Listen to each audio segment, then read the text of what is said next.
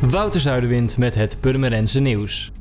Bij een geldautomaat van ABN AMRO aan het Gilderplein in Purmerend is vanochtend vroeg een plofkraak geweest. Dat gebeurde iets voor 5 uur. De ravage in het winkelcentrum is groot.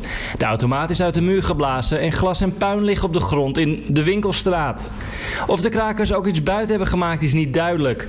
Politie en brandweer doen onderzoek naar de plofkraak. De gemeenten Beemster en Purmerend hebben het voornemen om per 1 januari 2022 bestuurlijk te fuseren. Aan inwoners van de twee gemeenten is gevraagd aan te geven wat zij belangrijke waarden vinden om mee te geven aan de nieuwe gemeente. Inwoners zijn maandag 17 juni welkom op het stadhuis van Purmerend om tijdens een bijeenkomst van de klankbordgroep te praten over de mogelijke ontwikkelingen van de gemeenschappelijke belastingen na de fusie, zoals OZB, afvalstoffenheffing en rioolheffing. De raadsleden van Beemster en Purmerend besluiten eind september over dit herinddelingsontwerp en daarmee over de fusie. Wethouder Harry Rotgans bracht afgelopen weekend een bezoek aan voetbalvereniging De Verenvogels om een compliment uit te reiken. Bij het laatste onderzoek met testkopers deed de vereniging het namelijk erg goed.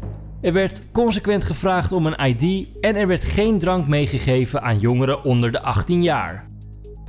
Woensdagmiddag 12 juni heeft de Landelijke Buitenspeeldag in Purmerend het thema Feest in Purmerend.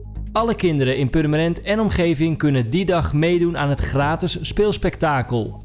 De buitenspeeldag wordt gehouden op de Koemarkt, Speelplein de Kraal in Weidevenne, Park de Driegang in Purmerzuid en de Zwelingstraat in Weermolen.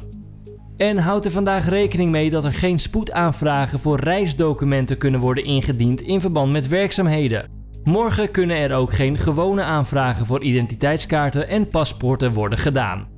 Voor meer nieuws, kijk of luister je natuurlijk naar RTV Permanent, volg je onze socials of ga je naar rtvpermanent.nl.